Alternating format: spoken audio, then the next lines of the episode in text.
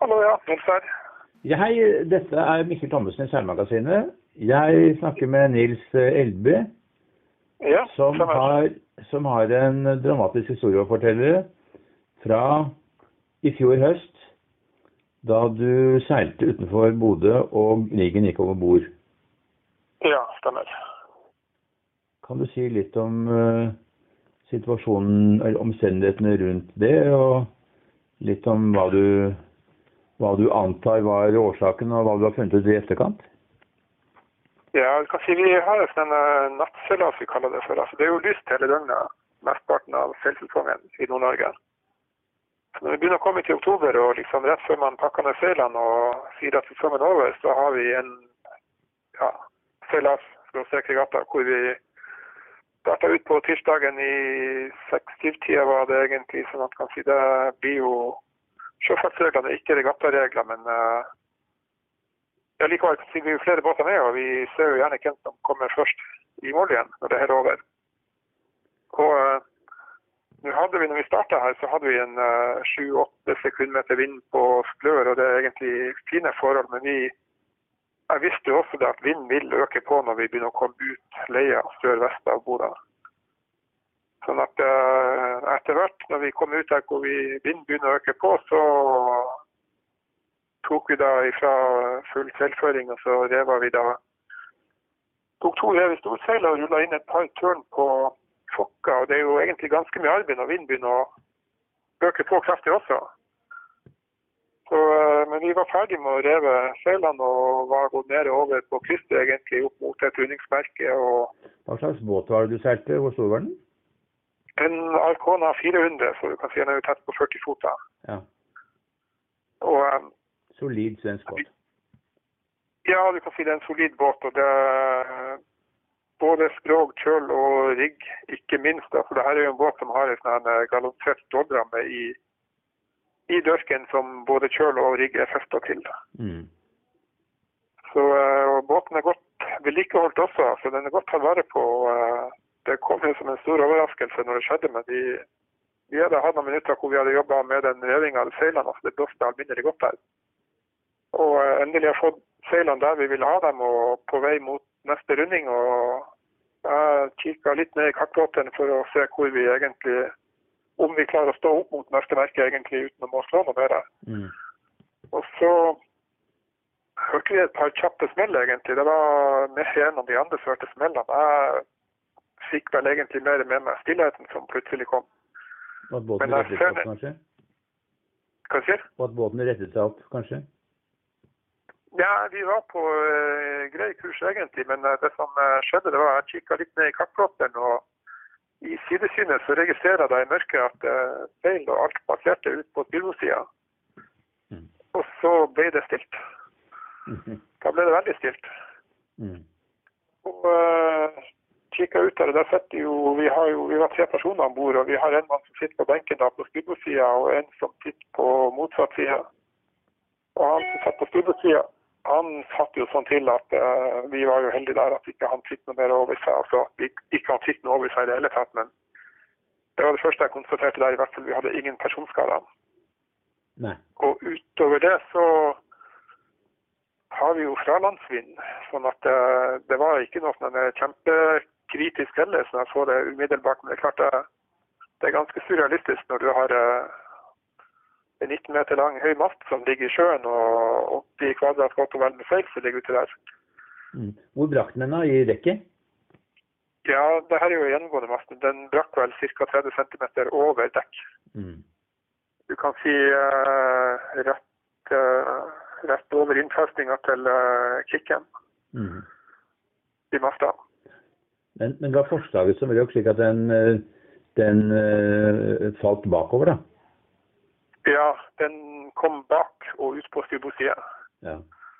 Så vi så jo i ettertid, altså med det samme det her skjedde, så det var, det var ikke det første man hadde fokus på, liksom, hva er det egentlig som har røket her. Det var mer OK, er alle OK her egentlig, og liksom, hva kan vi gjøre nå? Mm. Og eh, Jeg har jo lest en del bøker om de som mista riggen, og det er klart at det, det der så jeg ikke for meg skulle skje innaskjærs. Selv om det var si, 14-16 sekunder etter vind og man sier båten er godt vedlikeholdt, og det er en solid båt. Mm. Men dere var innaskjærs, dere var liksom ikke ute på Vestfjorden? Nei, det stemmer. Det var innaskjærs. Mm. Og uh, vi har jo Saltfjorden, altså den uh, som går på uh, østsida av Bodø, egentlig videre innover mot Saltstrømmen den veien. og Mm.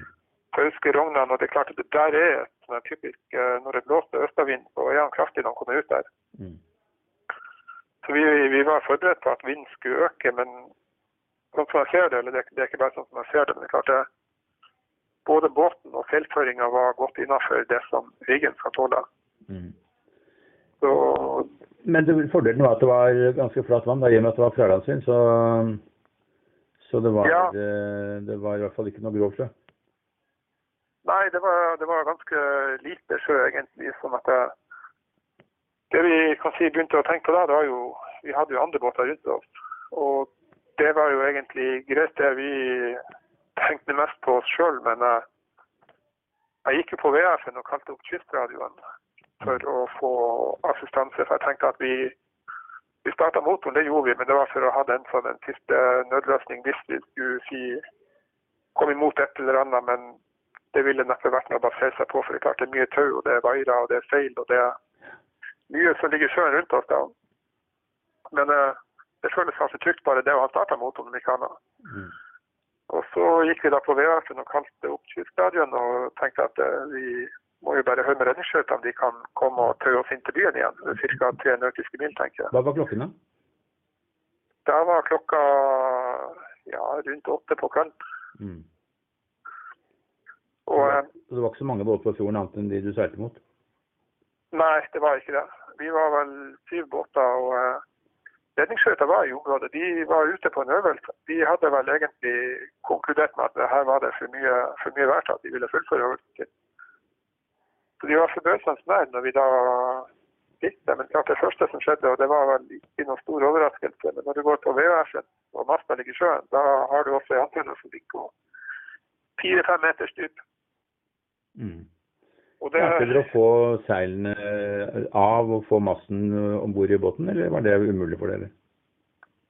nei, vi, vi tenkte det at det, det var egentlig såpass stabilt egentlig når det stoppa opp der. Eh, Det var en del master den lå over rekkevarene på styrbordssida da. Ja. Og seilene de lå jo godt ned i sjøen, så eh, det var, det var ikke noe banking mot skroget egentlig. Det var ikke noe eh, fare for, sånn som jeg så det, egentlig noe ytterligere skader på båten. Og det, det som jeg var usikker på, det var jo dersom et av de stagene som holdt båten da, eller eh, vi fant vel ut i ettertid at det var stort sett tauverket som går opp masta da, som holdt riggen på plass da. Mm. Men det var jo ok, hvis nå noe av det her sliter liksom, da vil ting kunne forskyve seg. Hva skjer da, liksom? Og hvor er det tryggest å være i båten? Mm. Nå eh, plasserte vi da en mann under dekk, eller si etter at vi hadde pratet. Det første som skjedde med kystradioen, det var jo det at de kommenterte at eh, jeg klippte veldig når jeg pratet med dem. Og det er klart, Den antenna den var jo da under vann, og det, det var jeg vel egentlig forberedt på. For jeg har lest såpass mange historier om folk som har eh, opplevd akkurat det her. og men liksom der og da så var det ikke det første jeg tenkte på. at eh, ok, denne radioen behøver jeg ikke å tenke på å bruke. Men jeg har stasjonær radio under dekka med egen antenne. Og vi hadde en håndholdt en, så vi fikk jo ganske tidlig sagt ifra om at vi hadde rigg og feil og tauverk i sjøen, at vi ikke kunne gå inn for egen motor. I tillegg så hadde dere kanskje mobildekning? Ja, det også. Så, men det er klart VHF-en er en stor fordel der. og det, Den store fordelen der det er jo egentlig at du det er flere som er til stede som vil kunne få med den kommunikasjonen som er mellom Mm. oss om bord i båten da, og kystradioen, eller redningsskøyta som da kom. Så, um, Men det var ingen av de andre som kom til unnsetning? ja, vi hadde et par båter som uh, la seg litt grann til sides da, i kan si, komfortabel avstand, og de fikk jo med seg ganske tydelig at vi ikke hadde noen mann over bord-situasjon eller noen personskader. Mm. Sånn at eh, sånn sett så var det ikke kritisk, men det er klart at eh, hadde vi hatt en hadde, hadde vi hatt en skade eller en mann over bord der, så hadde jo situasjonen vært en helt annen. Og eh, det vi også fant ut, vi pratet en del om det her når vi kom inn når det hele var over, og det var jo det at en del av oss kjører jo med kan si Altså VFA som er åpen på flere kanaler. Men så var det vel et par båter som jeg tror var på kanal 72, hvor vi da hadde liksom eh, kjørt gjennom løypa på forhånd, og som ikke var gått på kanal 16, og som da heller ikke fikk med seg at vi hadde kan si, mista riggen på sjøen. Mm. Og i mørket så var det ikke så lett å se det heller, siden det var jo Vi så jo ikke alle båtene på samme tid heller. Så eh, det er klart at eh, under litt andre omstendigheter hadde det vært en personskade der, eller at vi mista en mann på sjøen, så kunne det vært eh, fatalt det at folk var i nærheten og ville kunne ha bidratt antagelig, men ikke var på kanalen og fikk med seg det som skjedde. Mm. Så, Hvor lang tid tok det før eh, redningssystemet kom? da? nei, jeg, jeg så ikke helt på klokka, men jeg tror det, de var ikke langt unna. Så jeg tror det er snakk om kanskje ti minutter. Mm. Det var heldig, da. Ja. Så eh, Den tida vi venta på den, så fikk vi jo med oss at vi hadde båter på radioen som var i nærheten. Og vi tok da Ja, vi var jo tre mann om bord. Den ene som jeg hadde med, det er en som har vært med og seila mye i lag så Han kjenner båten godt. Mm. Og den andre det var en som møtte opp på skippermøtet og lurte på om noen hadde plass. Så eh, vi har ikke møtt han før da, og jeg har vel egentlig ikke sett han i ettertid heller. Han har en invitasjon om å være med og seile når det sommer igjen, men det var før koronaen kom. Så det får vi ta som det kommer. Men, men uh, vi tok da tredjemann, og så satte vi han under dekk på uh, den stasjonære radioen som er der, sånn at han kunne formidle til oss ute det som dersom redningsskøyta hadde noe de ønska å si til oss. Mm. Og vi hadde en håndholdt radio ute også, men det er klart eh, mens vi venta på redningsskøyta, så begynte vi å se over båten egentlig på hva er det vi har av skader her, og hva er det vi kan gjøre. Riggen lå veldig godt oppe på rekkeveierne, og bommen fikk vi lagt litt mer stabilt så at den ikke skulle være noe problem. Mm. Og ikke hadde vi noen bankelyder, sånn at det med å f.eks. begynne å tenke på å klippe riggen for å kvitte seg med den, det var, det var ikke noe tema egentlig. Det var ikke aktuelt. Nei. Så det samme fra der vi befant oss og tilbake til Bodø havn, så, så er det innaskjærs hele veien. Og så i le av den vind som vi hadde. Sånn at det å bli taua inn med riggen, det tenkte jeg at med mindre riggen, at vi går så nært land at riggen hekter seg et eller annet, så bør ikke det være noe problem. Hvor stor Det var- hadde dere på tauingen da? da? Nei, jeg vil tro denne redningsskøyta de må jo ha dratt oss i rundt en tre-fire knop antagelig. Ja. Ja, det spørs tre knop antagelig. Jeg tenker på tida det tok. Så, eh, men det er klart, det var jo en del lyder i denne rekkeveien eh. Så var det, det var jo sånn fiolinstenger egentlig når riggen lå og jobba oppå det her greia. Mm. På veien innover reflekterte dere over hva som kunne ha skjedd? Som var årsaken? Ja, jeg gjorde for så vidt det lite grann, men det var egentlig mer så var det sånn passe oppgitt over at alt ligger i sjøen. Mm. Og så hadde jeg vel en tanke om, men jeg visste jo ikke hva forsikringene dekker egentlig i sånn tilfelle som det her. Så det, det er jo typisk det med at man eh, tar en telefonrunde hvert andre år og sjekker hva de forskjellige selskapene skal ha for hus og bil og båt. og Mm. det man ellers har. Men, eh, og Det ser jeg jo også i ettertid. alt, og Det første jeg gjorde når jeg kom hjem, omtrent, det var jo en å informere familien om at eh, nå er vi nok uten seilbåt en stund. Men det er klart at eh, når det er kommet et stykke inn i oktober, så det er ikke det det største problemet akkurat at du må klare deg uten båt en uke eller en måned. Men jeg var på nettet og så sjekka vilkårene på forsikringa mi. Og det er klart at det, det så positivt ut. Jeg skjønte det første kvelden at det, det her behøver ikke å være noe som jeg må dekke alle utgiftene på sjøl, egentlig. Nei, bortsett fra en egenandel selvfølgelig, så er det jo veldig ofte at uh, selskapene har en avtale om å dekke rigghavari. Ja, de, de har det. Som, Så som ofte så er vel det. det. er det er litt ulik praksis, etter det jeg skjønte. For du har en del som har avkortning også ut ifra alder. På rigg og. Mm. Og så er det vel noen som ikke dekker dersom det er snakk om regatta. Men i dette tilfellet så, så er det ikke regatta heller, egentlig. Og tilfellet mitt om så hadde vært, så hadde det vært eh, fortsatt full dekning med en litt høyere egenandel. Mm. Mm. Men eh, for å foregripe begivenhetene, klarte de å reparere masten, eller måtte du få ny mast, eller hvordan ble det med det? Nei, vi eh, Jeg ble oppringt neste dag i, av takstmann da. til forsikringsselskapet mitt. Og uh, virka veldig egentlig veldig grei, og det var stort sett at uh, vi må få ta den takst av de skadene som er. Og som han sa, vi, vi hadde et rigghavari for et par år siden på en uh, båt i tilsvarende størrelse, og vi, vi vet at det her er dyrt tap. Det var ganske tidlig at det, det her blir kostet det virkelig. Det er jo så dødt da. Mm. Og så fikk vi taua båten litt neste dag da lengre inn på havna, hvor vi da fikk et av de selskapene som er med og skal reparere skadene i ettertid hjalp til med å frigjøre riggen fra båten og heise den på land.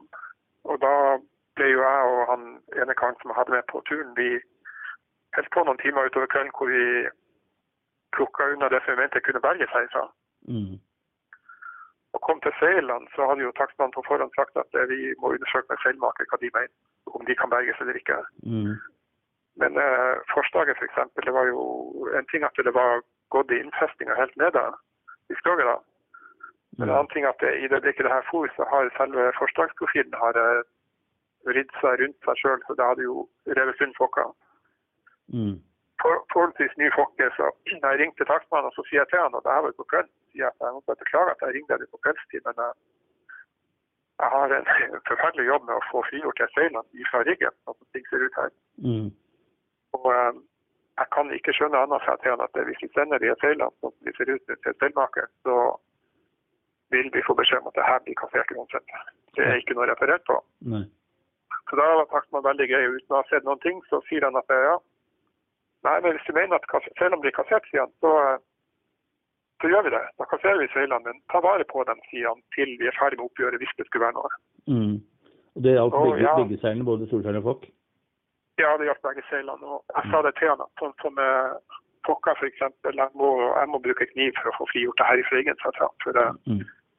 i og med at forsvarsprofilen hadde vridd seg rundt seg sjøl, så var det å ta kniven og skjære løs de to-tre nederste meterne der. Mm.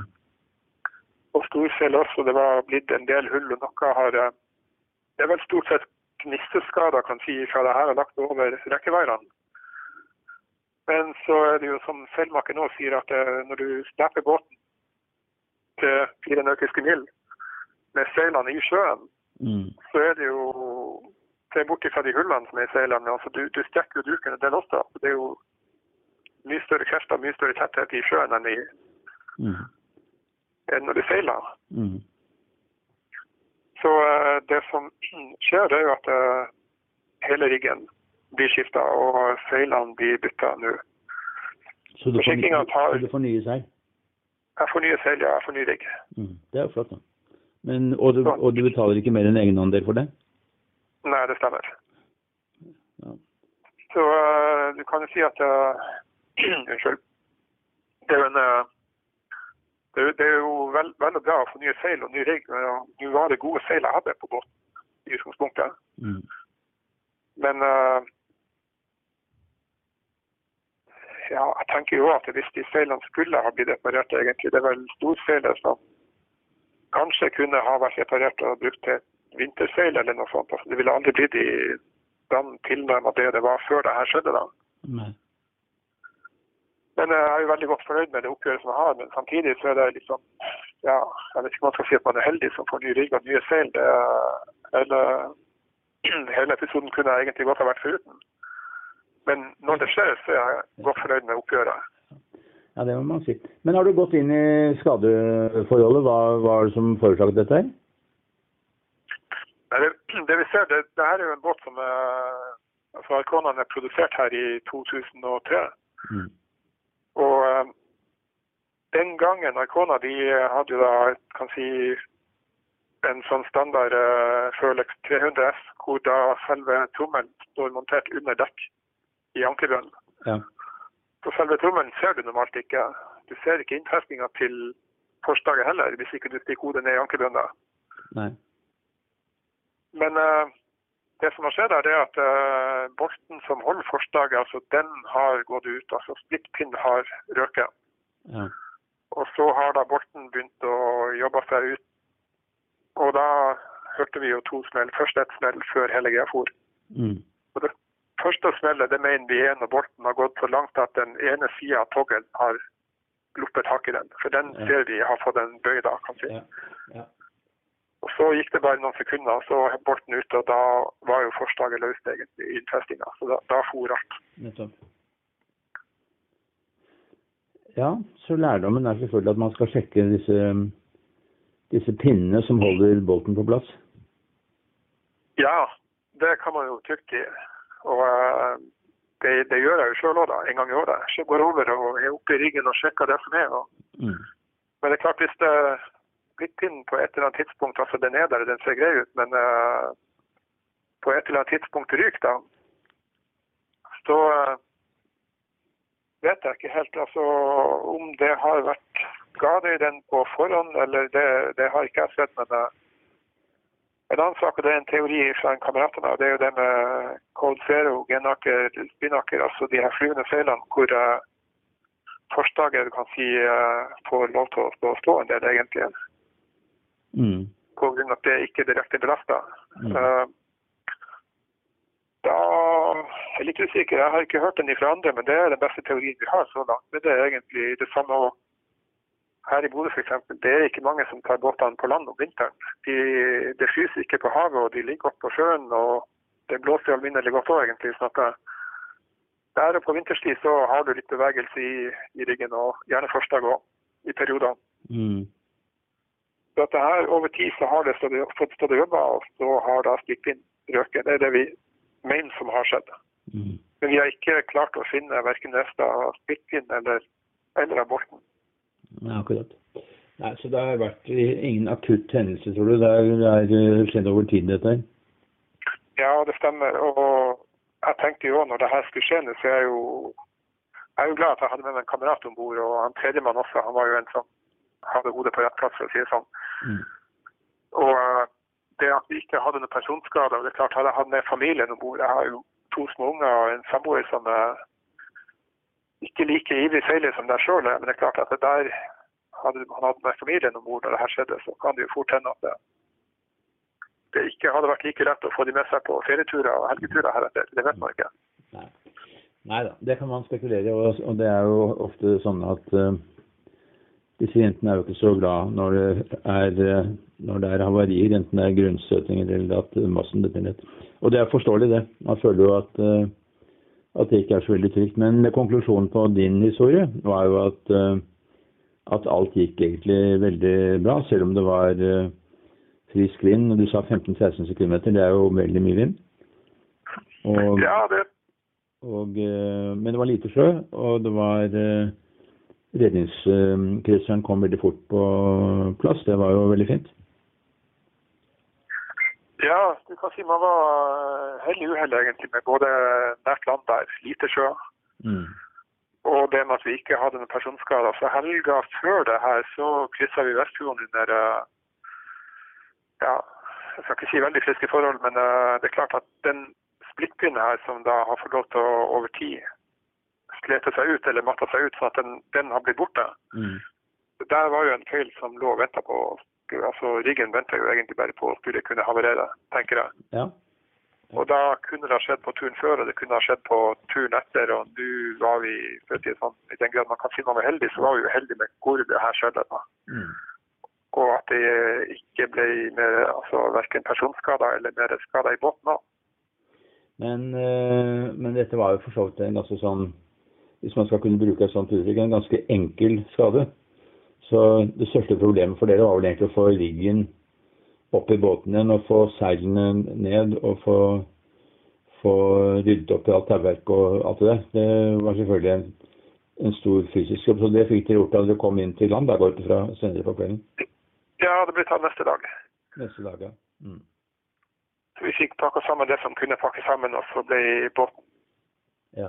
kjørt inn i båten og fortøyd. og Der har den lagt hele vinteren, og det, den har lagt utrolig bra i vinter. Det har jo til tider blåst mye, men i motsetning til alle andre seilbåter som har rygg, Mm. så har jo den båten innlagt veldig godt. Han er jo dønn stabil med ikke så veldig mye vind for å ta tak i når det blåser. Mm. Men uh, nå uh, fikk vi ny rigg til byen for uh, ja, det er litt over en måned siden. Men så var det jo der koronaen, da. For Bodø kommune de har frem til ganske nylig så har de hatt karantene på folk som kommer sørfra og nordover. Mm. Og så er det jo i tillegg det å begynne å montere en rigg på vinteren nå. Det er ustabilt vær, men jeg håper i hvert fall nå altså Nå er denne søringkarantenen den er oppheva for næringslivet. da. Ja. Og eh, håpet er at vi neste uke skal kunne få riggen opp. Og seilene de er vel i hvert fall storseilet fikk jeg mail om her i går var ferdigprodusert. Men den riggen fikk du da fra Sør-Norge, den gått fra, og da kommer det noen fra, fra riggeren til å hjelpe deg sånn med å få noe plass, da? Ja, stemmer. Mm. Så der, eh, der har vi den rigger fra Sør-Norge stemmer som kommer opp for å montere riggen, og som har kan si, bestilt det som vi trenger. Så Selene har vi produsert riggen og tilpassa alt som kan tilpasses på forhånd. Mm. Så det som gjenstår, det er å montere sammen riggen og så få satt den på båten. Mm. Og da få på seilene når de kommer. Mm. Men da, da er det en lykkelig eh, avslutning på en eh, litt spennende historie som kunne vært eh, mye verre. Og, og det var jo ikke snakk om noe krav mot båtprodusenten her, for båten er noen år gammel. Og du kan, ikke, du kan ikke henvise til at det har vært noen, noen mangler fra, fra Arconas eh, side. Så, så det, man da kan eh, man da kan fastslå at det var en, en liten eh, maur som veltet et stort lass, kan man si. Og nå har du fått oppgjør og alt, så da er det jo bare å håpe at koronaen gikk seg, at du kan begynne å seile igjen og få med deg et bra mannskap. Og, og særlig både på tur og regatta til sommeren. Jo, jeg sier takk for det. Ja, da sier jeg takk for eh, samtalen. Det var hyggelig. Og, eh, og så får du lese seilmagasinet når det kommer på nett på lørdag morgen. Ja, takk for det. Fint. Ha det bra. Jo. Ha det bra.